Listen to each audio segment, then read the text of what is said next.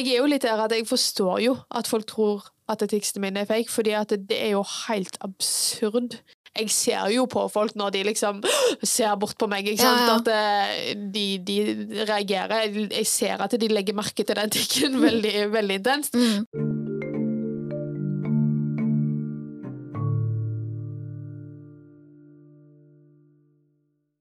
Velkommen til Også pasient, en podkast om usynlig sykdom, laget av meg, Kine Albrigtsen.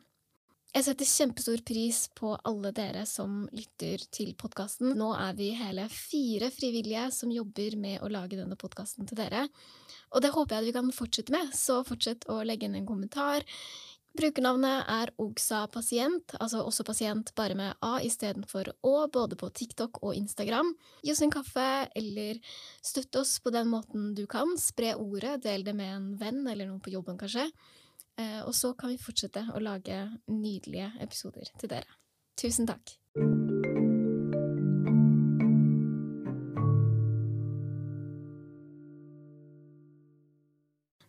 Er vi klare for en ny episode av Også pasient, og ukas gjest er Helene. Velkommen. Hallo, hei. Eh, Det er jo kanskje mange som kjenner deg fra internett. Du er jo mye Ja. på TikTok og på Instagram. Ja. Og snakker om psykisk helse av alle former, egentlig. Mm. Og i dag så skal vi jo snakke om eh, tics, nærmere bestemt funksjonelle tics. Yes. Um, og vi skal jo liksom snakke mye om hvordan det liksom er for deg, men først hva eh, Først så må vi ta en runde på, på deg. Hvor bor du? Hvor gammel er du? Hva, hva driver du med? Jeg eh, bor jo her i Oslo, eh, nærmere bestemt på Bjølsen. Jeg er 29 år, blir 30 år snart. Og jeg er ufør, men jeg driver mye med formidling og sånt for å på en måte skape litt mening i hverdagen min. Jeg syns at det er kjempekjekt å kunne bruke det dritt jeg går igjennom helsemessig til noe positivt for andre. Så da er det podkast det går i, og mye, som du sa, TikTok og Instagram. Og hva heter eh, podkasten, for å ta en runde på det? Ja, podkasten heter Sykt åpen med P. Sykt åpen. Mm. Og på Instagram og TikTok. Og meg finner dere på helene.fosse på Instagram eller TikTok. eh, Og eh, dere kan finne podkasten sin Instagram på sykt.apen. Både på ja, Instagram og TikTok. Nice. Men tics eh, er det jo eh, mange som har hørt om, vil jeg tro, men kanskje mest sånn i sammenheng med eh, Tourettes syndrom, og at man har enten eh, verbale eller fysiske eh, tics. Men, men for å liksom høre det litt med dine ord, hva, hva er egentlig tics sånn for deg? Så tics er jo ufrivillige, repeterende som regel uh, lyder og bevegelser som du på en måte ikke helt kan kontrollere. Du kan kontrollere det på samme måte som du kan kontrollere pusten din. Så du kan holde pusten din en stund, men det må ut. Du, hvis du holder pusten, så ender du kanskje opp med litt sånn pusteanfall, kanskje til og med panikkanfall, liksom. Eh, og sånn er det med ticsene mine. De må på en måte bare få komme ut. Men jeg kan kanskje, hvis jeg tar en blodprøve, eksempel, så har ikke jeg problemer med å holde armen i ro. Uh, men det er noe som For meg så er jo disse tingene funksjonelle. Så de, det, som du sier, det en eh, tenker mest på når en tenker på tics, er jo Tourettes, og det er en nevrologisk uh, utviklingslidelse, det, eller tilstand. Eh, Så det litt, sånn- kan sammenlignes litt med autisme, og det som overrasker mange, er at Tourettes er faktisk ikke bare tics. Det er på en måte den definerende, de definerende symptomene, men det kommer gjerne òg med sinneproblematikk og impulsivitet og sånt.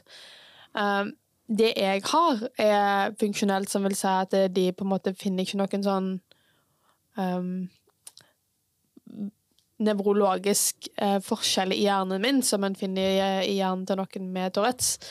Eh, så det er litt som Jeg sammenligner det ofte med at eh, noen opplever å bli alvorlig deprimerte og bli lamme fra livet og ned. Da er det ikke noe galt i ryggen deres.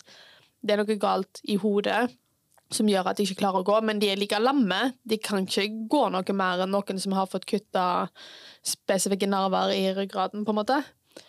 Eh, Men på samme måte så har jeg av eh, bipolaren min, av en depresjon eh, jeg hadde for to år siden, fått tics. Så det liksom Det du sier noe om, er at uh, Tourette uh, har man jo hele livet Mm. Uh, på samme måte som ADHD også, som går på ting i hjernen som er liksom Man kan eh, kan vel ofte se det, vil jeg tro. Altså finne ut av det. Det er liksom spesifikke ting man kan sjekke. At ok, Um, her er det noe som har vært sånn over lang tid. Mm. Og også når man blir eh, lam, så er det jo en fysisk skade i kroppen. Ja. Men når man blir lam av eh, psykiske på en måte årsaker Jeg vet ikke om det kalles psykiske årsaker, men da er det mer sånn signalene, da. Signalene kommer liksom ikke fra hodet og ned Ja. i beina. Så beina virker ikke, selv om alle nervene dine er intakte, som du sier. Ja, det er litt som Du har jo en Mac foran deg nå. eh, og et hardware, Hvis jeg hadde tatt en hammer og liksom hamra på den, så hadde det vært et hardware-problem. Den fysiske datamaskinen ble ødelagt. Men hvis du får virus på den, så er det et software-problem. Og det er litt sånn Mine tics er ikke et hardware-problem. Det er ikke noe galt med basalgangliene mine. Der som eh, problematikken vanligvis sitter for noen med Tourettes. Det er noe galt med psyken min, på en måte, eller nervesystemet, som ikke kommuniserer sånn som det skal. Så døkk. Og um, du sa liksom at det begynte med en depresjon for noen år siden. Mm. Um, Jeg skal bare kort si at jeg har hatt tics veldig mye lenger, men det har vært veldig lite, og det har bare vært sånn Å, så rart at det skjedde, så rart at jeg gjør det. Jeg har en sånn uvane. Men ja, det var to år siden det tok av, og ble så døkk, ble så ille som det var nå. Og jeg faktisk skjønte at å, det er tics. Det er det det er. men var det da, før den depresjonen, var det fysiske, eh, liksom kroppslige tics eller verbale tics? Det var eh, De ticsene jeg hadde før ticsene tok av, eh, var mest eh, motoriske, som det heter. Så mest sånn, som du sa, kroppslige. Mm. Eh, Jeg kunne for veldig ofte slå meg på låret uten noen grunn, og jeg skjønte liksom ikke hvorfor jeg gjorde det. Det var veldig ofte sånn hvis jeg var engstelig eller noe. Eh, jeg husker jeg lagde en eh, story om det på Instagram. Jeg hadde hunden min, til søstera mi på besøk den høsten før dette kom. Og jeg lagde en story om hvor morsomt det var at jeg liksom Jeg satt og slapp av. Plutselig så deiste jeg til låret mitt, og hunden kvakk jo, stakkar. Eh, og jeg skjønte jo jeg, jeg, tenkte bare, jeg tenkte ikke over at det ikke var på en måte meg som gjorde det, fordi at det skjedde så plutselig at jeg rakk på en måte ikke å reflektere rundt om det var Om jeg kunne ha stoppet, da. Mm. Uh, og det er på en måte litt sånn karakteristisk for de ticsene jeg hadde før. Før helvete brøt løs, holdt jeg på å si. Mm. Ja, og kanskje at det ikke var så omfattende, da. Mm. Sånn at da var det jo kanskje ikke alltid så lett å legge merke til eller tenke at eh, uh, ja, men det er det det er, eller at Det er kanskje ikke et så stort problem heller, hvis det bare er sånn av og til Nei. nå og da hendelse som du liksom bare ikke tenkte så mye over, på en måte. Mm. Og det er, jo, det er jo faktisk sånn, altså tics er mye vanligere enn folk tror. For det er jo, jeg tror det er 10-20% av barn har tics på et annet tidspunkt. Uh, det er bare 1% som har tic-tilstander, som f.eks. Tourettes. Eller noen har bare motoriske tics, noen har bare verbale tics. Hvis du har Tourettes, så har du begge deler. Så døkk. Uh, men de fleste barn, da, og veldig mange med kroniske tic-tilstander, eh, opplever veldig reduksjon, eller at de forsvinner helt i løpet av tenårene. Mm. Ja, så I tillegg så er jo forløpet ditt veldig annerledes, da, fordi du har hatt tics um, store deler av livet, men så ble det ikke liksom masse før du var voksen, og det er jo da uvanlig. Altså, det er jo noe derfor på en måte det ikke er Tourette. Ja, altså Tourettes, da uh, mener jeg på at det er sånn to motoriske tics, én verbal tics hver dag i et år før du er fylt 18. Ja. Så den siste der er liksom et eget kriterium, og Ja. det er litt viktig. Og jeg hadde jo ikke det før Nei. jeg fylte 18. Nei. Men det er, jo, det er jo litt sånn med autisme og ADHD at selv om det er en nevrologisk tilstand, så er ikke det noe du faktisk kan se. Så måten de finner ut at du har Tourettes, er med å bare egentlig utelukke alt annet. Ja. Og det er litt samme måte de finner ut at du har funksjonelle tics. Mm. Det er å utelukke alt annet. Utelukke UCD, utelukke at det er medisinene dine, for eksempel, som uh, gjør at du tics. Mm. Men hva skjedde da i den depresjonen? Da var du jo voksen, sånn 25-26, rundt der et eller annet sted. Ja, 27 var jeg vel, kanskje? Ja. Ja. Eh, Hva, hvordan så det ut da, fra hatt de liksom få eh, motoriske ticsene mest, og så er du i dag mye mer enn det? Mm. Hvordan endra det seg? Kom det plutselig? Eh, det, det begynte med en måned der jeg var ekstremt engstelig og hadde mye OCD-symptom. eh, og følte veldig at jeg hadde masse jeg måtte gjøre, og jeg var helt overvelda og nesten lamma. Og jeg gikk veldig mye fram og tilbake og var kjempe eh, og urolig i kroppen. Eh, og så urolig at jeg på en måte jeg, jeg, visst, jeg hadde ingen oversikt over hva i kroppen min som var meg. Og jeg vet ikke helt når ticsene begynte, da, for det skjedde, jeg var så urolig at jeg klarte ikke på en måte sortere ut noen ting. Jeg skjønte ikke hva som hva som skjedde med meg. Uh, og så var det når den rastløsheten stilna, og jeg fortsatte å ha disse små bevegelsene, spesielt i hendene, at jeg på en måte ble bekymra og skjønte at oi, her er det jo et eller annet. For dette, Før det så var jeg så rastløs at jeg hadde ikke prøvd å stoppe kroppen fra å gjøre noe som helst. Jeg bare lot han gjøre det han måtte. Men når det stilna, så prøvde jeg jo liksom jeg husker jeg satt på sofaen min og så på hånda mi som rykte til, og liksom, eller bare eh, lukka seg, på en måte, og bare stirra på han og bare sa i T-en i hodet mitt nå våger du ikke å røre deg, fordi at det, det, jeg, jeg skjønte ikke hva som skjedde. Og jeg klarte å holde han i ro ganske lenge, men med en gang jeg slutta å tenke på det, så gjorde han det igjen. Og så Det ble liksom bare mer og mer av det, til jeg eh, endte opp med å sitte hos psykologen min eh, med at nakken gikk fram og tilbake som en kylling, eh, og det var konstante gestikulering og sånt i hendene mine, med mye sånn peace-tegn, og at jeg banka på ting, og, og jeg, jeg forsto absolutt ingenting av hva det var som skjedde. Det høres jo veldig skummelt ut når man ikke er vant til det, og ikke har gjort det før da, på den måten. Mm. Ja, det var veldig skremmende. Jeg, jeg, hadde jo, altså, jeg, jeg skjønte ingenting, og jeg prøvde å google. Det er veldig typisk for meg at det, hvis jeg skal ta opp noe med en psykolog, så må jeg først google det, så jeg vet at andre òg opplever dette. her, At Ja. dette her faktisk er noe en kan ta opp. Men jeg fant jo ingenting. Jeg bare husker jeg prøvde å google liksom, angst, eh, angstbevegelser og liksom masse sånne rare greier, og det var bare det var ingenting som kom opp. Mm. Eh, Det var ikke før eh, jeg endte opp med å bli innlagt eh, at eh, jeg fikk beskjed om at eh, ja, du, dette er jo tics. uh, og jeg, jeg tror tics i mitt hode på det tidspunktet var sånn aggressiv banning.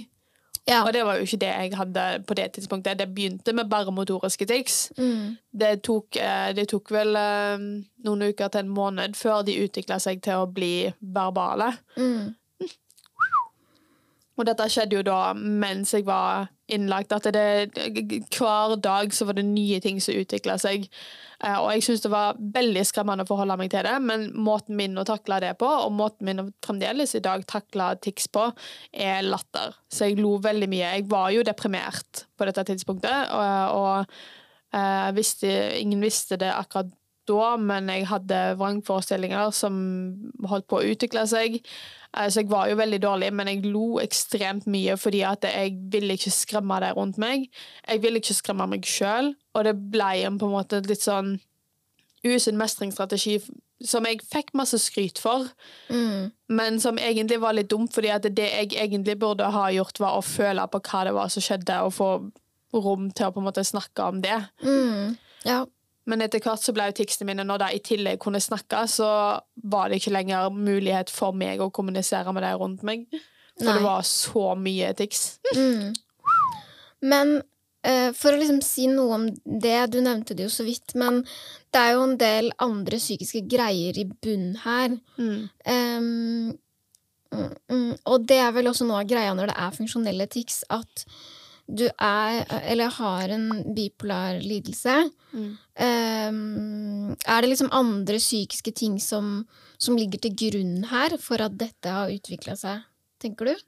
Uh, jeg tror nok at OCD-en òg har vært en del av problemet. Og så skal jeg jo sies at jeg har en venninne som har hatt en funksjonell lammelse i beinet, som ikke hadde noe syk... Det var ikke noe psykisk som spilte inn for henne. Det kan komme uten at det er noe psykisk òg. Det er at det på en måte er bare nervesystemet som bare ikke skjønner hvordan de skal prate sammen. Og det kan vel også komme av fysisk overbelastning. Mm. Det har vel også vært ganske mye i media om ei som har vært idrettsutøver, som også ble lam, da. Eh, hvor det antageligvis var eh, ja, fysisk eh, overanstrengelse, på en Mm. måte, som var problemet. Ja, og noen mener jo at det kan være sånn operasjoner og sånt òg. For det, det si, det er mye som kan være, eh, mye som kan være traumatisk for kroppen. Mm, Som kanskje absolutt. ikke oppleves traumatisk psykisk, men som er, som er traume for kroppen. Og det sier seg selv kanskje at hvis du kutter opp noen, eller hvis du presser en kropp til liksom, bristepunktet, Mm. så er det litt sånn traumatisk for kroppen din. Mm, absolutt. It's a duck. Men um, Og da Oi, jeg Sorry. Det er det jeg skvetter aller mest av. Når du skvetter. Det er det jeg som skvetter aller mest av, faktisk. Ja, det skjønner jeg. Herregud. Men eh, Og det er liksom Nå skjedde jo akkurat det, da. Jeg skvetter fordi Mm. du får tics, og så Ja. um, og så eh, eh, lever litt, og så tenker jeg at nå har det gått litt tid, og vi kommer liksom til å snakke en del om det også senere, hva du helst vil at folk skal gjøre. Mm. Men i starten så er det kjempeskummelt, og du er egentlig kjempedeprimert. Mm. Um, og så hvordan hvordan liksom klarer du å organisere det inni ditt eget hode at ok, nå har jeg fått tics, og de er funksjonelle, du finner jo ut av det etter hvert Mm. Gjennom en utredning. Hvordan er det liksom å, å deale med det som egentlig? I begynnelsen, altså jeg fikk jo ingen medisiner eh, for dette, eh, av en eller annen grunn. Så jeg gikk et halvt år uten noen medisiner som jeg, jeg gikk på noen medisiner som nok kan ha hjulpet, eh, tilfeldigvis, på en måte, men som var for andre symptomer, men jeg fikk ikke noe for ticsene. Så det var jeg, Når jeg ser tilbake på noe, så forstår jeg jo ikke hvordan jeg fysisk kom meg gjennom det. Altså, jeg, jeg gikk ned i vekt fordi at det var så vanskelig å få i seg mat. Og det var mens jeg var innlagt, så ned, altså, da, da fikk jeg jo maten servert. Uh, men likevel så var det så utfordrende å få den gaffelen inn i munnen. Uh, og maten ble som regel kald, og dessuten var det sykehusmat. Det hjalp ikke. Um, men når jeg da kom hjem og skulle lage mat sjøl jeg, jeg husker, jeg griner ikke når jeg er deprimert, så når jeg kom ut av denne depresjonen Jeg ble manisk, og til info så er ticsene mine eh, nesten kanskje mer ekstreme da, men da er de samtidig så lystige, og jeg er manisk, så da er det bare gøy, egentlig, med tics. Eh, men når det la seg igjen, når jeg ble stabil, så grein jeg hver eneste dag. Eh, I hvert fall ja, flere ganger til dagen, som regel. Og en av gangene det var typisk for meg å grine, var når jeg sto og lagde mat, for det var så vanskelig å klare å få hendene til å gjøre det jeg ville. Jeg eh, brukte ikke steik, jeg brukte ikke ovn på det halvåret. Ikke en eneste gang. Jeg var ikke borti knivene mine.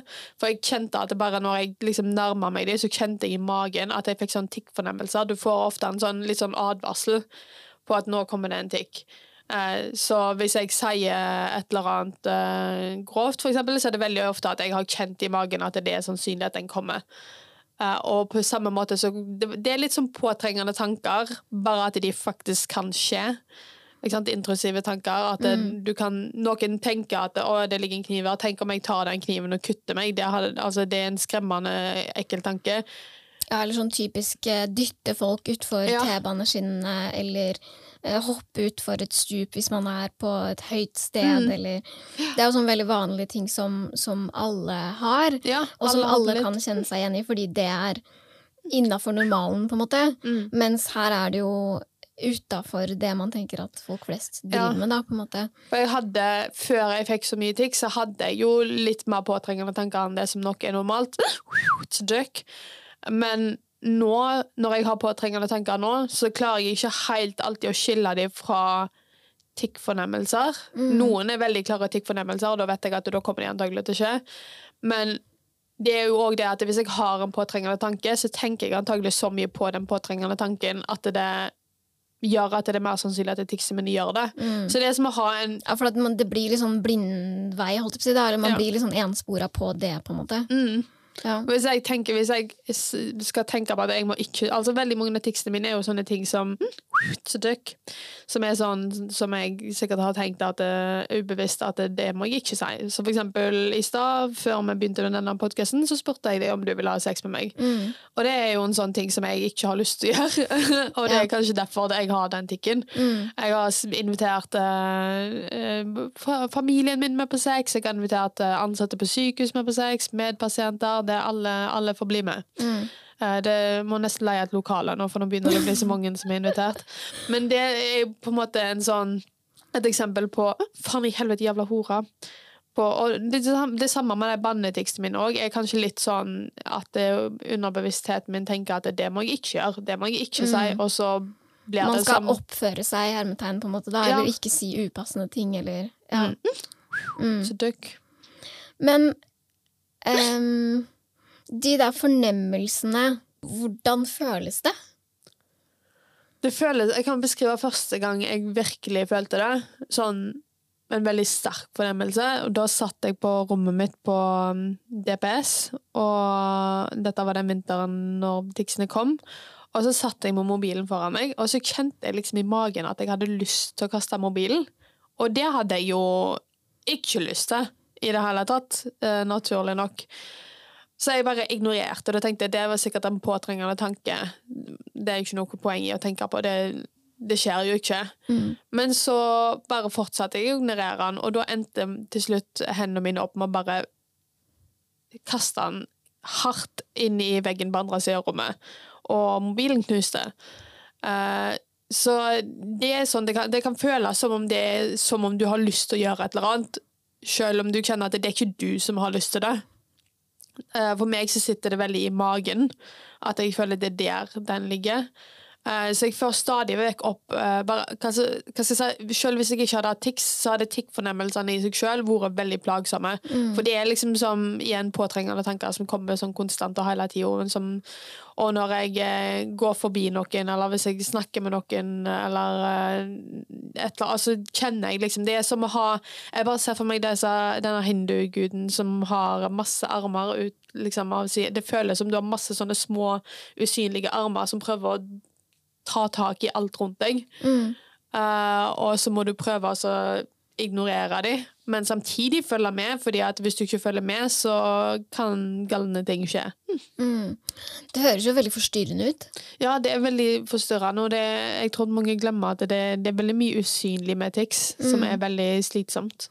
Ja, fordi det var noen som spurte om Fordi jeg sa sånn, ja, jeg skal spille inn en episode om Tix Og så sånn, ja, men Tix er jo ikke usynlig Og så var jeg sånn, nei Det er jo sant, men det er jo um, Nettopp fordi at jeg møtte deg Og liksom har sett hva du driver med at jeg tenkte sånn, Men det er jo mye her som Folk ikke vet Eller som folk Mm. ikke legger merke til Eller pleier å tenke på Ja. Um, sånn at selve ticsene utad er jo synlige, men samtidig så er det jo uh, noe med det der at å holde igjen tics, da.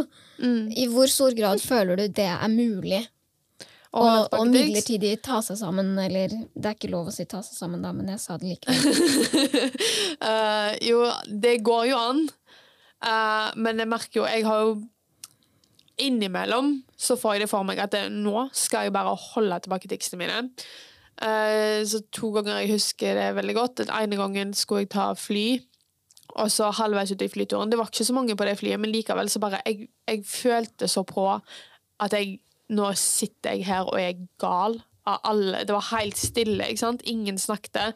Så ticsene mine ble jo liksom ti ganger høyere av både, De ble høyere fordi at jeg var utilpass og ville ti stilt, uh, men òg bare fordi det, det var jo ingen andre lyder, så da hører jo alle ticsene.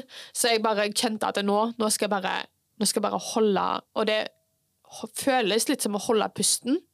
Og Du er veldig sånn spent i kroppen, for du prøver bare sånn helt i ro, helt i ro, helt i ro. Uh, og når det har gått litt, når du har holdt tilbake litt, så er det nesten som det blir litt lettere, fordi det er som om kroppen bare er sånn Å ja, OK. Nå skal, vi, nå skal vi vente med å tikse til vi er trygge. Så du, er, du blir sliten av å holde tilbake, men det blir litt sånn Det blir som å heng, henge en gummistrikk på en knagg som du henger etter, på en måte. Det, hele kroppen er spent, men du har på en måte hengt den opp, på et vis. Uh, men når jeg da kom ut i bilen til søstera mi, og når jeg da, i hodet mitt da kom til et trygg plass Det kan være bussen ofte når jeg er her i Oslo, eller det kan være når jeg er kommet hjem. Eh, da tok det helt av, og det var helt helvete. Og det var egentlig veldig uforsvarlig av søstera mi å kjøre. å kjøre, å kjøre uten å bare stoppe, sånn at, fordi at jeg var jo forstyrrende for henne. Jeg drev og sparka og slo og brølte, og det var helt ekstremt, og det var veldig slitsomt. eh, og ikke vært det i det hele tatt for å få den siste halvtimen av den flyturen for å slippe å få være gal i akkurat det, denne halvtimen. Eh, jeg kan jo på en måte relatere det til når jeg må være ute i verden og fungere som et oppegående menneske når jeg egentlig er veldig deprimert da, eller er veldig sliten, eller et eller annet. Så føler jeg at jeg bruker energi jeg ikke har. At jeg liksom overkompenserer da, og strekker strikken for langt, og så kommer jeg hjem, og så blir jeg helt ekstremt sliten, Mm. eller eh, enda mer liksom lei meg, eller må bruke enda lengre tid på å hente meg inn. Altså det er jo Alt sånn lån og energi da, fungerer jo litt sånn dårlig når man skal tilbakebetale det i etterkant. Mm. Ja, for det er jo maskering det er snakk om. Det er maskere det jeg gjør når jeg holder tilbake ticsene mine, men det er òg maskere du gjør når du er deprimert og tar på smilet når du går ut døra. Mm, Og det tar veldig på. mm, Jeg får jo den altså, hva skal jeg, si, jeg, jeg tror at selv hvis jeg ikke hadde fått tics av av Eller mer tics av å maskere, så tror jeg bare den jobben du gjør med å klare å holde den maska, er så den er, den er så tung og utmattende å ha at det, du, jeg hadde sikkert kollapsa hvis jeg ikke hadde ticsa. Ja, ikke sant. Så en, hvis ikke du hadde fått det ut i mer tics, så hadde du sikkert u, u, kommet ut i eh, utmattelse eller et eller annet, da. Um, ja, det kan jeg jo se for meg at det er. Ja, og jeg er jo på en måte gjerne utmatta når jeg da får ticsene igjen, da, men det er jo kanskje det mest slitsomme med tics, er jo det hvor slitsomt det er. Og når du er helt død og egentlig bare hadde ligget på sofaen og liksom vært så utmatta at du liksom du vurderer å bare tisse på deg hvis du Ja, ja, fordi å hvis gå du- noe sted er ja, for slitsomt. Det, det å bevege seg er helt Men ticsene bryr seg jo ikke om det. Mm. Ticsene, ticsene tikser. Eh, Så jeg har jo ofte ligget helt død på sofaen, og så er det liksom bare hendene mine går, men liksom faller dødt ned idet tiksen er ferdig, på en måte. Ja, fordi du ikke hjelper til, på en måte, da, eller Ja. du ikke liksom bidrar inn i, Mm. inn i det. Men em, dette med liksom Det er Åh, Åh, skvatt. Fortsatt. Det går bra. Man må henge litt mer sammen, Kine. Ja, det går bra, så jeg blir vant til det, liksom. Ja, Ja, det er Litt eksponeringsterapi. Ja, det er faktisk sant. Ja. Uh, men det med at det ikke liksom er deg, men du kjenner på det, liksom hvor adskilt er det? For meg som ikke har tics, så lurer jeg så på hvordan det um, Hvordan det på en måte er. Er det mulig å spørre om i det hele tatt? Skjønner du liksom hva jeg mener? Men er du hvor, hvor jeg slutter og ticsene begynner, på en måte? Ja. Ja. Ja, nei, det er Altså innimellom, så hvis jeg har en Spesielt hvis jeg har en god dag. Nå for, for tida har jeg veldig gode dager med ticsene mine. Det er veldig lite av de. Så tøkk. Uh, og da er det sånn at jeg liksom tikser et eller annet, og så lurer jeg på Vent litt, var det meg? Kanskje jeg plutselig tar peace-tegn liksom, mens jeg sitter og jobber på PC-en. Og så blir jeg litt sånn Var det egentlig meg? Og så forteller meg selv at det, antagelig så var det ikke meg, for hvorfor i alle dager skulle jeg tatt et peace-tegn der? Det gir ikke helt mening. Men liksom, da, kan jeg nesten Da er grensa mellom hva er meg og hva er teksten min, litt sånn viska ut. Jeg vet nesten ikke helt. Og det er jo på en måte mellom det jeg gjør helt frivillig, og det tiksene gjør ufrivillig, er jo, er jo stimming. For det òg er jo en eh, ting som jeg Det gjorde jeg mye før jeg eh, fikk tics, men da maskerte jeg det mye mer. Nå, som, nå har jeg bare lært meg til at jeg må bare la kroppen gjøre det han vil gjøre, hele tida. Og det inkluderer stimming. Og det vil jo da si sånn selvstimulerende bevegelser og sånn som at en går fram og tilbake, eller at jeg slår meg veldig ofte på brystkassen, eller bare dunker brystkassen min. Eh, at du gjør ting med hendene, fikler med ting. Alt det der.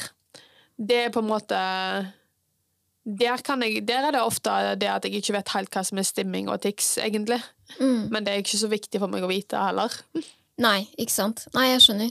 Og, og det med, med stimming og sånn er jo ofte, også vanlig for mange ulike måte, lidelser, egentlig, da, som er Mm. vel ofte sånn Altså, energioverskudd, på en måte. Ja, Ja. Alle stimmer. Mm, Men det er vanligere med autisme, for eksempel. ADHD, mm. Noe angst. Ja, for det er liksom der jeg har sett det mest. Da, jeg har jobba i bolig med barn og ungdom med autisme og atferdsforstyrrelser. Mm. Og der har det vært veldig mye ulik grad av stimming som jeg opplever mest som sånn selvregulering, egentlig. Mm. At det er litt mer sånn hva skal vi gjøre her for å få brukt den energien som er inni kroppen, eller Mm. uro, eller eh, ja, frivillig eller ufrivillig, da, men at det på et eller annet vis er beroligende. Ja, du På et vis, går det an å si det? Det er som om du har overflødig energi. Ja. Og så må du den komme ut et eller annet sted istedenfor Ja. å være fanga inni deg, Mm. på en måte. Du kan fange den inni deg, og da blir du sliten. Ja, Det, ikke sant. Ja. det, og det, det, normalisering av stemming syns jeg er kjempeviktig. Mm. Eh, for dette det, det, igjen, det er noe alle gjør, eller i hvert fall noe alle hadde gjort hvis vi hadde latt kroppen bevege seg sånn den må, når en eh, når en har mye angst, eller òg når en har mye entusiasme. Men når du har eh, bestemt deg for det, da, ting du skal la kroppen din stort sett gjøre som den vil, em, hvordan er det å være ute i verden med, eh, med såpass mye tics, da? Det er jo ehm, Hvis jeg husker tilbake til hvordan det var når, jeg, når dette begynte, eh, når jeg var kommet meg ut av den depresjonen og tok del i samfunnet igjen, på en måte, så var det jo skikkelig skremmende. Eh, og de reaksjonene jeg er mest redd for, det, det er jo på en måte et spektrum fra der folk bare syns du er patetisk og narrer deg, som er veldig skummelt, det òg. Det er veldig ekkelt. Til at folk blir sinte på deg og tror at du gjør narr av dem, eller uh, blir redde for deg. Uh, og sånt, og det er spesielt den, den tingen jeg er mest redd for, er at folk skal være redde for meg. Og det er jo noe jeg har blitt fortalt at folk har vært til de har blitt kjent med meg. Eh, men det er, alle, det er ikke alltid en rekke å bli kjent med noen fort nok, skulle jeg si. Nei. Men på hvilken måte redde da? Uh, at de, de vet ikke hva det er. Og det, dette har jeg spesielt fått fra folk jeg har vært innlagt med. Uh, og da har jeg jo type vært deprimert. Og da Faen i helvete, jævla hora. Da har jeg veldig typisk veldig mørke tics. Uh, mye mer aggressive og mørke og Sånn at jeg på en måte kan skjønne at folk blir redd hvis en ikke kan noe om tics og ikke vet helt hva det er. Og kanskje hvis du i tillegg er er på en psykiatrisk avdeling og på, ja, ikke sant? Du vet ikke hva folk Du har er. selv problemer, og hva, altså, Ja. hvem er de andre? Og Du så, har angst, og du ja. ja, og så er det jo kanskje mye sånn uh, utfall, da, fordi sånn Det er vel noe med at tics er så sånn plutselig, eller sånn Mm. Det er uforutsigbart. Ja. Eh, Ja, det er sånn, nå har jeg jo skremt deg to ganger her, og det, det, det har jeg mye av i perioder eh, når jeg er innlagt. mm. Og det er jo supert å sitte på en avdeling full av folk med liksom angst, PTSD. ja, Alle forutsetningene for at de blir skremt litt ekstra. ja, ja, ja, nettopp. Og så sitter ja. jeg der og bare «Hå!» Ja, ja det, det hjelper jo ikke på, da, Nei, kanskje. Det gjør nok ikke det. Men du bor i Oslo, lever et helt vanlig liv, Ja. um, og er jo liksom på kollektivtransport, ute på arrangementer, Mm. uh, du gjør ting, du er liksom åpen på internett. Hva, hva er det liksom folk sier aller mest? Så når jeg bare er ute out and about, holdt jeg på å si, eh, så er jeg veldig takknemlig for at nordmenn vi er veldig sånn at vi ignorerer ting. Eh, så for eksempel, jeg, jeg husker jeg bodde i London et år, og der så er det jo sånn hvis, hvis du nesten skubber til noen på T-banen der, så kommer de bort og sier unnskyld til deg. Mm. Mens nordmenn vi har mer en sånn Hvis du dulter borti noen, så later de som ingenting. Det, det er vår måte å være høflig på. Det er bare sånn, det er vår måte å si at vet du hva, det var så lite at jeg la ikke merke til det engang. Ja, det er sant. Og jeg husker jeg leste The Xenophobes Guide to Norway for et par år siden. Og en sånn definerende Det er jo sånn eh, reisebok for folk som liker litt mer morsomme reisebøker. Eh, og der sto det at det, i Norge, hvis du stiller deg opp på et bord på en kafé og begynner å gaule, så er nordmenn sin reaksjon at vi bare later som ingenting. Ja. Det er bare en sånn Det der skjer ikke engang. Vi Mm. anerkjenner ikke at det Og det syns jo jeg, som av og til sitter på bussen og gauler stygge ting og slår i vinduet og liksom Syns det er supert. At folk ignorerer meg totalt. Mm. Eh, kjempebehagelig. Eh, det er veldig sjeldent jeg, jeg, jeg har fremdeles til gode å sitte på bussen og faktisk trenge hjelp når jeg har mye tics, eller når jeg har mye dissosiering. Nå er ticsene mine en form for dissosiering, men jeg dissosierer òg på en måte som gjør at jeg ikke klarer å bevege meg. Som for andre bare ser ut som at jeg sitter og tikser voldelig og voldsomt, og så plutselig så beveger jeg meg ikke i det hele tatt. Um, men jeg, jeg, har, ennå til gode å faktisk trenge hjelp, og det så, Sånn sett så Jeg har ikke blitt tilbudt hjelp på noe tidspunkt, og en kan jo kanskje tenke at jeg, innimellom så burde kanskje noen spurt om alt var bra, om jeg trenger Ja. hjelp, men eh, til nå så har det bare vært veldig deilig at folk ikke snakker til meg i det hele tatt. Mm. Uh, barn stirrer, Mm. men det Ja. Jeg har, eh, jeg har en liten brannfakkel akkurat nå på at jeg syns at foreldre burde informere barna sine om hva tics er, Mm. før de ser noen på bussen som har tics. Um, men når det kommer til internett og sånn, så jeg har den mesteparten av responsen jeg, Faen i helvete! Oi sann. Uh, mesteparten av responsen jeg har fått, vært veldig positiv. At folk setter veldig pris på at de får innsikt i hva det vil si å ha tics, at de skjønner litt bedre.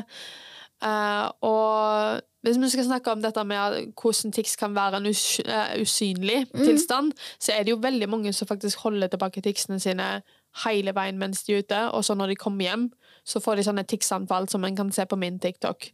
Mm. Til og med jeg som er ganske la, prøver å la ticsene mine ticse så mye de trenger underveis, fordi jeg erfaringsmessig har funnet ut at det er det beste og sunneste, får likevel ofte ticsanfall hvis jeg har vært på et skikkelig på et litt mer ordentlig arrangement, fordi at eh, jeg har holdt tilbake tics uten å mene det. Mm.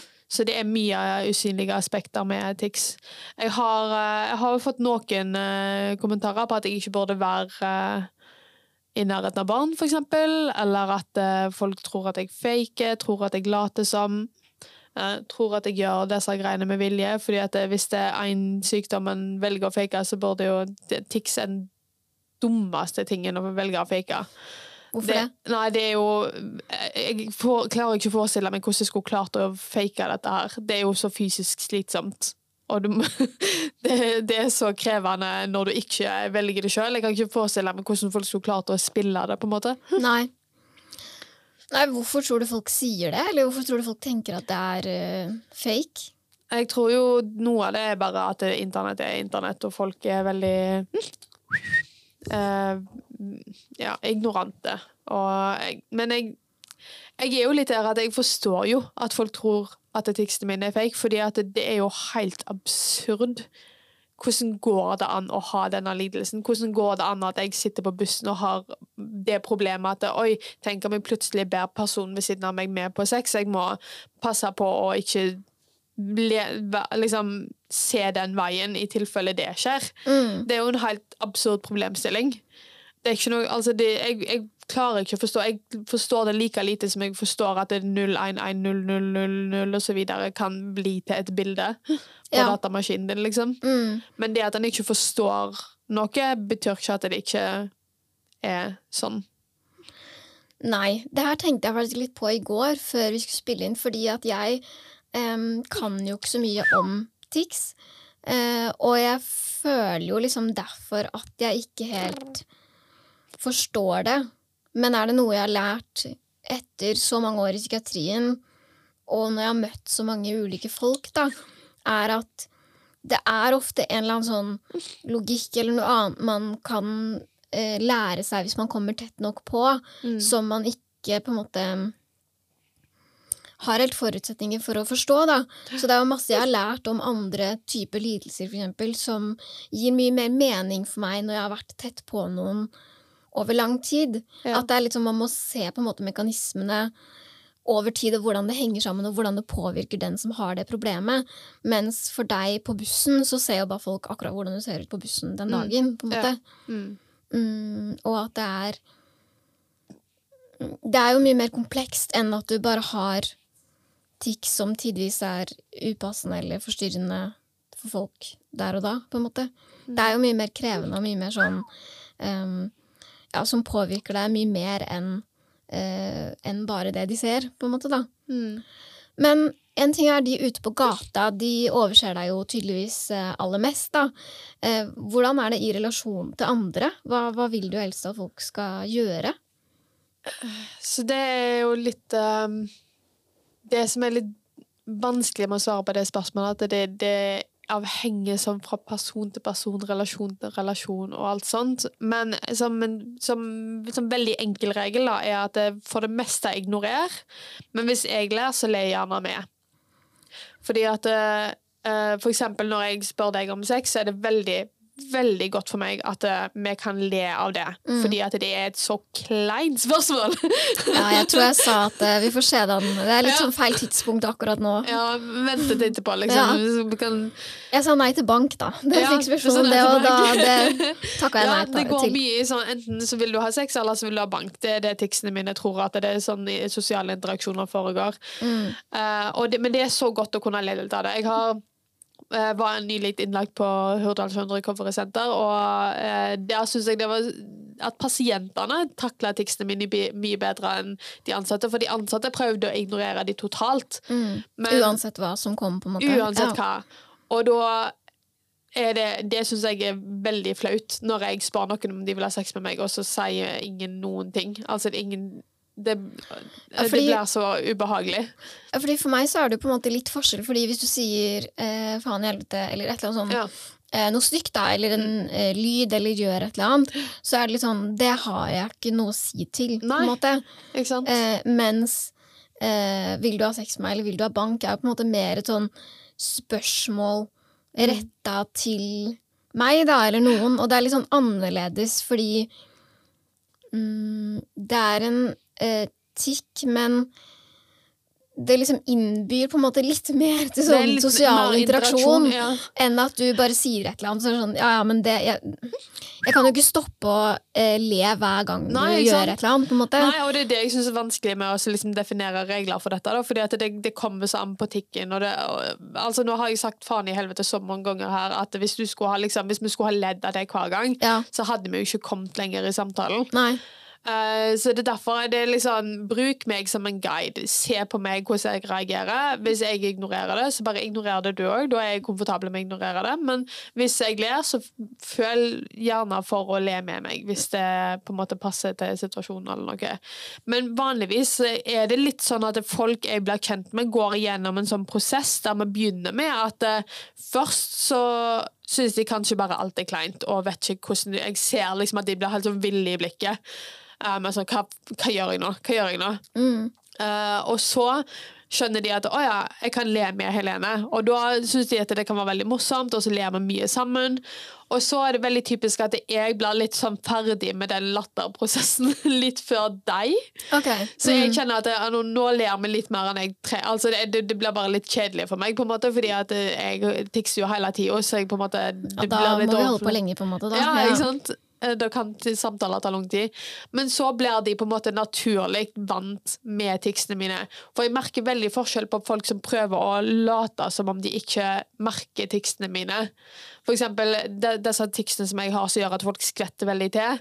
Jeg ser jo på folk når de liksom ser bort på meg, ikke sant? Ja, ja. at eh, de, de reagerer. Jeg ser at de legger merke til den tikken veldig, veldig intenst. Mm. Men når de da prøver å late som om de ikke så på meg i det hele tatt, og bare ser rundt seg i rommet og bare uh, later som ingenting, så blir det litt sånn kleint, for det er sånn Jeg vet at du la merke til Altså, det hadde vært bedre hvis du bare smilte til meg Ja. Når vi møtte Når øynene våre møttes, og så Mm. bare fortsatte, i stedet for å prøve å late som om du ikke legger merke til det, når det er veldig tydelig at dette er nytt, og at du skvatt til, liksom. Mm. Ja, i hvert fall sånn min opplevelse er også hvis jeg mister tråden i det jeg tenker inni hodet mitt, Mm. så er det også vanskelig å liksom late som ingenting. Fordi Mm. da, da må jeg liksom eh, komme på rett spor. Det tar liksom litt lengre tid. Jeg vil jo tro at du merker jo det. Mm. Hvis eh, alle er sånn stotrete eller tenker sånn Ja. Hva skal jeg si nå? Eller hvor var jeg? Eller et eller annet. da. Mm. Som i hvert fall er vanskelig for meg når jeg skvetter på ekte. Det er Egentlig da jeg blir mest sånn Hva skjer nå? på en måte. Ja. Og så vil jeg jo kanskje tro at de som er veldig mye sammen med deg, vil jo kanskje ikke gjøre så veldig mye ut av det. Nei. Eh, fordi da blir det jo, som du sier, veldig mye, da. Mm. Eh, når det er liksom en vanlig dag for deg som inneholder mye tics. Ja, altså Noen av mine beste venner, og familien min og sånt, reagerer jo veldig lite på ticsene mine. Men de har på en måte vært gjennom den prosessen der de har vist at de er komfortable med ticsene. Og det, det, er egentlig måte, det er ganske godt at alle går igjennom den der en syns at det er morsomt og ler med meg. Og, for at da beviser de på en måte at jeg vi er faktisk skikkelig komfortable med dette her. Mm. Veldig viktig at en ler med meg. Det, jeg har av og til opplevd at folk ler på en måte som gjør at det føles som de ler av meg. Mm. Og da føler jeg meg veldig forsvarsløs og liten. Uh, men Ja, fordi det er liksom noe du åpenbart ikke får gjort noe med. ja, ja, ikke sant? Ja. Altså det, jeg sitter jo her med denne klovnemaska på, på en måte, som er ticsene mine, eh, og da er det veldig ekkelt å føle at det, ja, folk ler av det. Mm.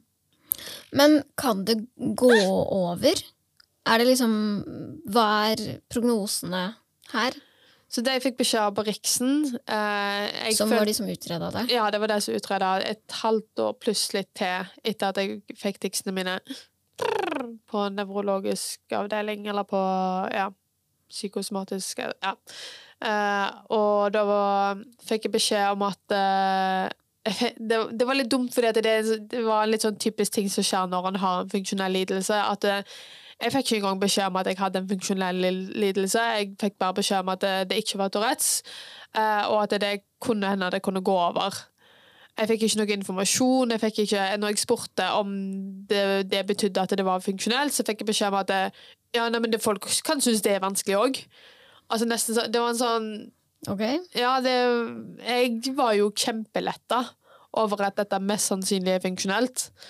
Fordi at det, det betyr nemlig det at da kan det kanskje gå over med tid. Eh, det jeg fikk beskjed om, var å behandle bipolaren. At det er på en måte det, det, det er det viktigste. Og hvis jeg blir, får det bedre psykisk, og akkurat nå er jeg i en god periode psykisk, kan, og, da merker jeg jo at ticsene det er mye mindre av de. Så forhåpentligvis så kommer jeg til en plass der jeg eh, har det så bra psykisk på sikt at det, det Ja, at de går bort. Mm. Altså tanken er liksom at hvis eh, den bipolare lidelsen stabiliserer seg, så vil du over tid, da, så vil du muligens eh, ha det så bra at eh, behovet for tics ikke er så til stede. Er det mulig å si det? Ja. Men jeg kan på en måte si det sånn. Eller jeg vet ikke om behovet, liksom, men i hvert fall det som gjør at den funksjonelle lidelsen oppstår, da blir jo i hvert fall borte, og da bortfaller jo også ticsene, på en måte.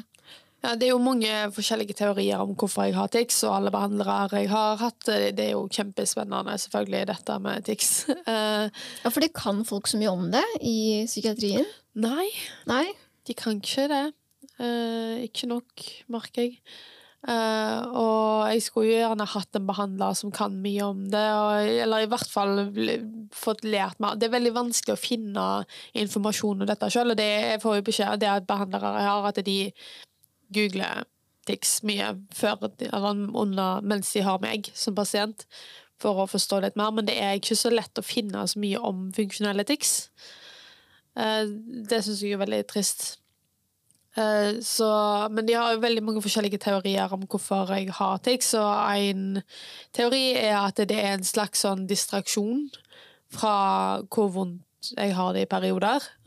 At det på en måte er hjernen som bare Og det Finne på noe annet, på en måte. Ja, Ja. og jeg merker jo det at når jeg er veldig deprimert og har mye tics, hvis jeg har en kveld med mye fysiske tics, eh, eller verbale òg, det òg er fysisk eh, slitsomme. Det, jeg, tror ikke, jeg vet ikke om folk har brølt så mye med vilje, men det er faktisk veldig krevende. Ja. uh, og da er du, da legger jeg jo mindre merke til depresjons, depresjonssymptomene. Da kjenner jeg ikke så på meningsløsheten fordi at jeg kjenner på at dette er jævlig vondt nå. Altså Det blir jo på en måte Og du er opptatt med noe annet, da. Ja, det blir jo nesten som, liksom, som selvskading. Mm. Bare at jeg har ingen kontroll. Det er kroppen min som har valgt det for meg. Mm. Så det er jo kanskje en uh, teori som gir mening. Ja, jeg syns jo ikke det Det er jo ikke det rareste jeg har hørt om, på en måte. Men det er jo Men- veldig rart at kroppen Altså Ja, det var det jeg skulle til å si. Det er jo kjempeinteressant og kjemperart at kroppen bare Å, jeg bare finner på det her, jeg. ja. La oss drive med det. Det er sånn, ok, Ja. greit. La oss bruke TIX av alle ting. Mm. Nei, det er jo rart. Men eh, en ting som, eh, som jeg lurte på, It's a duck! er jo hva kommer eh, de spesielle ticsene fra? Er det en grunn til at du har de ticsene du har? Så eh, letteste måten å forklare det, er kanskje å forklare hva ekkolalia er. Det er Ekko er jo ekko, holdt jeg på å si, eh, og lalia betyr å snakke. Og det vil da si at eh, hvis du sier et eller annet, så gjentar jeg det kanskje. Eh, og hvis du, spesielt hvis du hadde sagt 'oi, se der', eh, eller 'å, faen', så er det veldig sannsynlig at tekstene mine hadde kopiert det. Og det er nok det som har gjort at jeg har mange av ticsene jeg, Faen i helvete, jævla hora har mange av ticsene jeg har. At jeg antagelig har hørt de en eller annen gang og gjentatt de, og så har bare hjernen fortsatt å gjenta de og gjenta de og gjenta de. Og gjenta de. Og jeg trodde derfor i begynnelsen så hadde jeg veldig mye engelske tics. Og det tror jeg nok var fordi at eh, mesteparten av det jeg konsumerer på en dag, er jo på engelsk. Mm. Det er jo TV, musikk, podkast bøker Alt, Mesteparten av det jeg konsumerer, er på engelsk, så da gir det jo mening at eh, de tikser på engelsk. Mm. Nå har de gått over til mer norsk. Jeg vet ikke helt hvorfor det er. Jeg vet ikke. Nei, jeg vet ikke.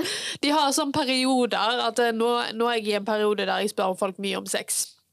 Eh, om de vil ha sex med meg. Eh, og det har jeg hatt en periode av før, og så på en måte la ikke jeg merke til at den tikken forsvant, men jeg la jo veldig merke når han plutselig kom tilbake. At det bare, Oi, ja, det er sant. Det hadde jeg jo, det, dette gjorde jo jeg for et halvt år siden, Mm. uh, og nå gjør jeg det igjen. Uh, så for eksempel, jeg hadde jo en veldig fin tikk. Eh, jeg var på uh, feiringa av uh, avkriminalisering av 50 års avkriminalisering av homofili i Norge i fjor sommer. Eh, og et halvt år før det hadde jeg hatt den artikkelen veldig mye, men eh, han forsvant helt. Og så plutselig kom han tilbake mens jeg sto liksom på Eidsvoll plass og lytta til appeller. Og det var jævla homo. Det var en god, god godt tidspunkt å komme tilbake. Uh, og da var det nok litt det som jeg snakket om tidligere, med at hjernen min tenkte at dette må jeg ikke si, dette må jeg ikke si, dette må jeg ikke si. Det en og veldig upassende. ja, ikke sant? Veldig Mm. upassende. Og heldigvis er jeg jo en jævla homo sjøl, så det gjør det litt uh, mindre forferdelig å tikke den tikken. Men jeg hadde, hadde en periode med det i, um, i februar òg. Hadde jeg den, akkurat spesifikt den tikken veldig mye, og nå har han forsvunnet helt. Så nå har jeg ikke Jeg kan altså Jeg vet ikke hva det Ja. Du har ikke hørt det nå, ikke sant? Nei, nei. Nei. nei. Så det er veldig, veldig rart å prøve å forstå seg på tics, fordi at det er så absurd og rart og tilfeldig, virker som. Men samtidig så er det en slags personlighet inni der, føler jeg òg. Og det er som om ticsene mine er jo som en egen person som jeg på en måte er konstant knytta til. Eh, som eh, i, i beste fall er liksom en veldig nysgjerrig seksåring som bare har lyst til å teste alt mulig og si hva, hva skjer hvis jeg sier det, hva skjer hvis jeg sier det, og så i andre tilfeller når jeg er mer deprimert og dårlig og engstelig, spesielt hvis jeg er paranoid, så er det noen som bare vil meg vondt. En voksen mann føles det ofte som da, som bare vil meg veldig, veldig vondt. Kanskje brøle ting når jeg tror at folk skal bryte seg inn i leiligheten min, som gjør at jeg tror at nå blir folk enda mer sinte, eller liksom harry de meg, eh, Mm. og sånt. Og så når de slår meg, selvfølgelig, så er jo det kan føles veldig personlig. Som om det er noen som bare gyver løs på seg. Mm. Ja, hvordan er det egentlig? Fordi du har jo eh, noen som voldelige tics hvor du slår deg selv eller slår i ting, som jo også er eh, vondt. Hvordan er det liksom når det skjer? Jeg har jo blitt veldig herda, merker jeg. Eh, at det gjør ikke så vondt lenger. Eh, men det kommer an på hvor eh, Fysisk ikke så vondt, eller mentalt ikke så vondt? fysisk ikke så vondt, på en måte. Men det er jo veldig utmattende mentalt. Men det er sånn, jeg får jo veldig ofte kommentarer på, av folk liksom at 'Å, nå må du ha med deg hansker', og sånt, men det er jo veldig vanskelig å komme på i øyeblikket når du har så mye, og, det er bare det å komme seg til. Jeg har sånne svære boksehansker hjemme, som er, det er helt fantastisk å ha et ticksanfall når jeg har dem på. Ikke at jeg har lyst til å ha et ticksanfall med dem på, men, eh, men da kan jeg bare la ticsene gjøre akkurat det de vil, og det gjør Og jeg blir ikke bekymra for hjernerystelse. Mm. Eh, For det er jo, i perioder så blir jeg jo virkelig eh, redd for at jeg, dette her kan jo ikke være sunt.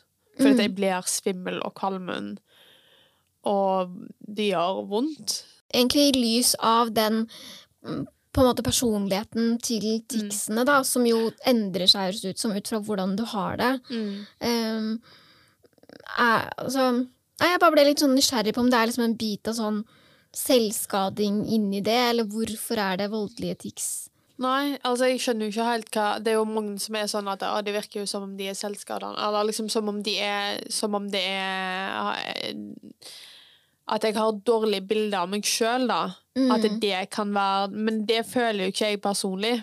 Uh, jeg føler jo ikke det er en del av meg som har lyst til å skade meg. Jeg tror jeg, jeg føler egentlig at de voldelige ticsene er mindre jeg, for, jeg fortjener å få bank, liksom, og mer at det bare er sånn her, Litt som med stimming, at det, jo mer urolig energi du har, jo voldsommere stimming Mm. må du gjøre. Ja. At det, fordi at det, det, stimming og tics går veldig på samme kanal for meg. Mm. Uh, så Men det, ja, det føles jo som en, et slemt, stygt, vondt, forferdelig menneske bor inni meg innimellom og ja, vil meg vondt. Og det høres jo kjempekrevende ut. Mm. Alt ved dette høres egentlig kjempeslitsomt og kjempekrevende ut. Ja, det er ikke en lek, men det, jeg tror at folk Jeg tror tics høres så lekent ut. Ja. Altså sånn tics, tics-ordet, og liksom når du hører altså det, At det, liksom, det høres så banalt ut, at det ikke Men det er virkelig Og det er jo, for meg så er ikke det mitt største problem. Det kommer jo an på person til person og hva tics folk har, men for veldig mange med tics, det er jo sånn 80-90% av det med tics, vi har jo komorbide lidelser som for eksempel OCD eller ADHD eller autisme eller eh, bipolar òg er for så vidt en eh, komorbid lidelse med uh, Tourettes. Eh, og det er kanskje den, problem, den andre problematikken ens som er det største problemet. Eh, mens andre igjen mener at tics er deres største problem fordi at det er så fysisk krevende og psykisk drenerende å ha dette her. Mm. Og det er veldig sosialt hemmende. Det er jo sjøl når jeg Altså, jeg, mine venner er de beste, beste i verden. Jeg elsker de. Eh, men selv når jeg sitter med noen jeg stoler 100% på og vet at disse aksepterer ticsene mine og er komfortabel med ticsene mine, så er det slitsomt for meg å prøve å holde en samtale. Hm. Når ticsene mine driver og bryter inn hvert andre sekund, og jeg har masse ticsfornemmelser som driver opp og inn i hodet mitt. Og, altså det, det er så mye det er så mye, det er så altoppslukende, og jeg merker jo at det er alt for, jeg snakker altfor mye om tics fordi at det, tar opp så mye av oppmerksomheten min hele tida.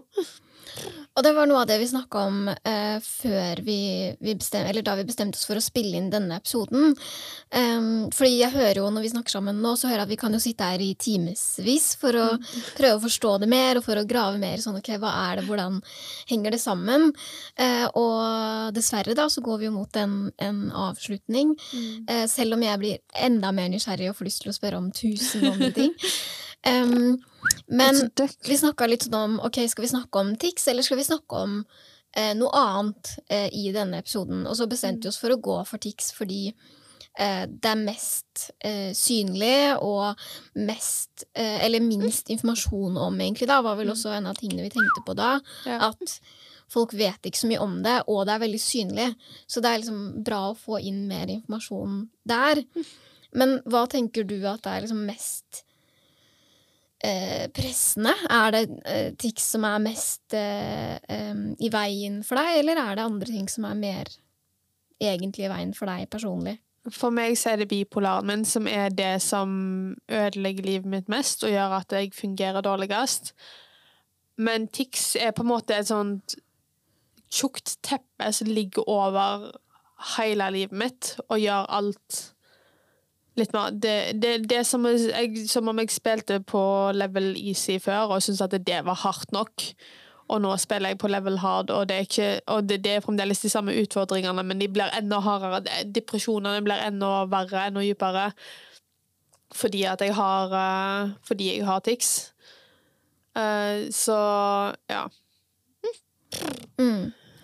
Og liksom med det, da, når vi har laget eh, denne episoden, hva, hva tenker du at det er liksom viktigst at folk vet? At TIX er så utrolig slitsomt. Altså, Jeg tror ikke folk klarer å ta det inn over seg, for jeg klarer ikke helt å forstå, forstå det sjøl, at det er så slitsomt som det er. Uh, og at det er så veldig mye mer enn det du ser. Det er Ja. Det er fra tikkfornemmelser til, til bare at du har masse tics-energi. Jeg kan ha en kveld der jeg har Der du ikke ser at jeg har så mye tics, men jeg kjenner at tikk-energien holder på å renne over. Og de, de ticsene jeg har, hvis jeg først får en tics, så er det et eller annet brått og voldelig og noe jeg ikke har kontroll på, som gjør at eksempel, oi, nå kan ikke jeg sitte mobilen i hånda fordi at den kan bli kasta. Nå, hvis jeg skal bruke mobilen, så må jeg liksom legge den på bordet og bruke pekefingeren til å liksom skrive melding.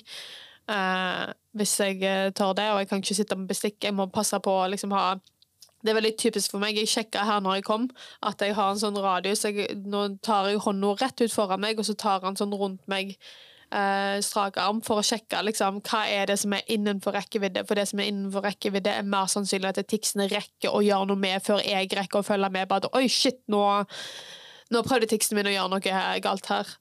Mm. Og det var en sånn ting vi faktisk, ja, som du sier, da, sjekka før vi trykka på record. At det er sånn, ok, nå er ingenting innafor rekkevidde her. Mm. Sånn at da er det liksom mm, tryggere, på en måte. Da er det mindre sannsynlig at ja. Det er som å ha en liten liksom treåring som du må passe på at ikke når eh, kaffekoppen på bordet og alt sånt. Mm. Jeg syns det har vært kjempeinteressant å snakke med deg, Helene. Og jeg tror jo at mange kan lære masse, og at det er veldig sånn verdifullt å få den innsikten. Eh, fordi eh, vi trenger å vite mer, da. Vi trenger å vite mer om sånn, ok, hvordan er det egentlig, hva er opplevelsen? Eh, fordi forhåpentligvis, da, så er det jo det som også er formålet med oss pasient, er jo at jeg håper at vi skal skamme oss litt mindre, og, mm. eh, og fjerne noen fordommer.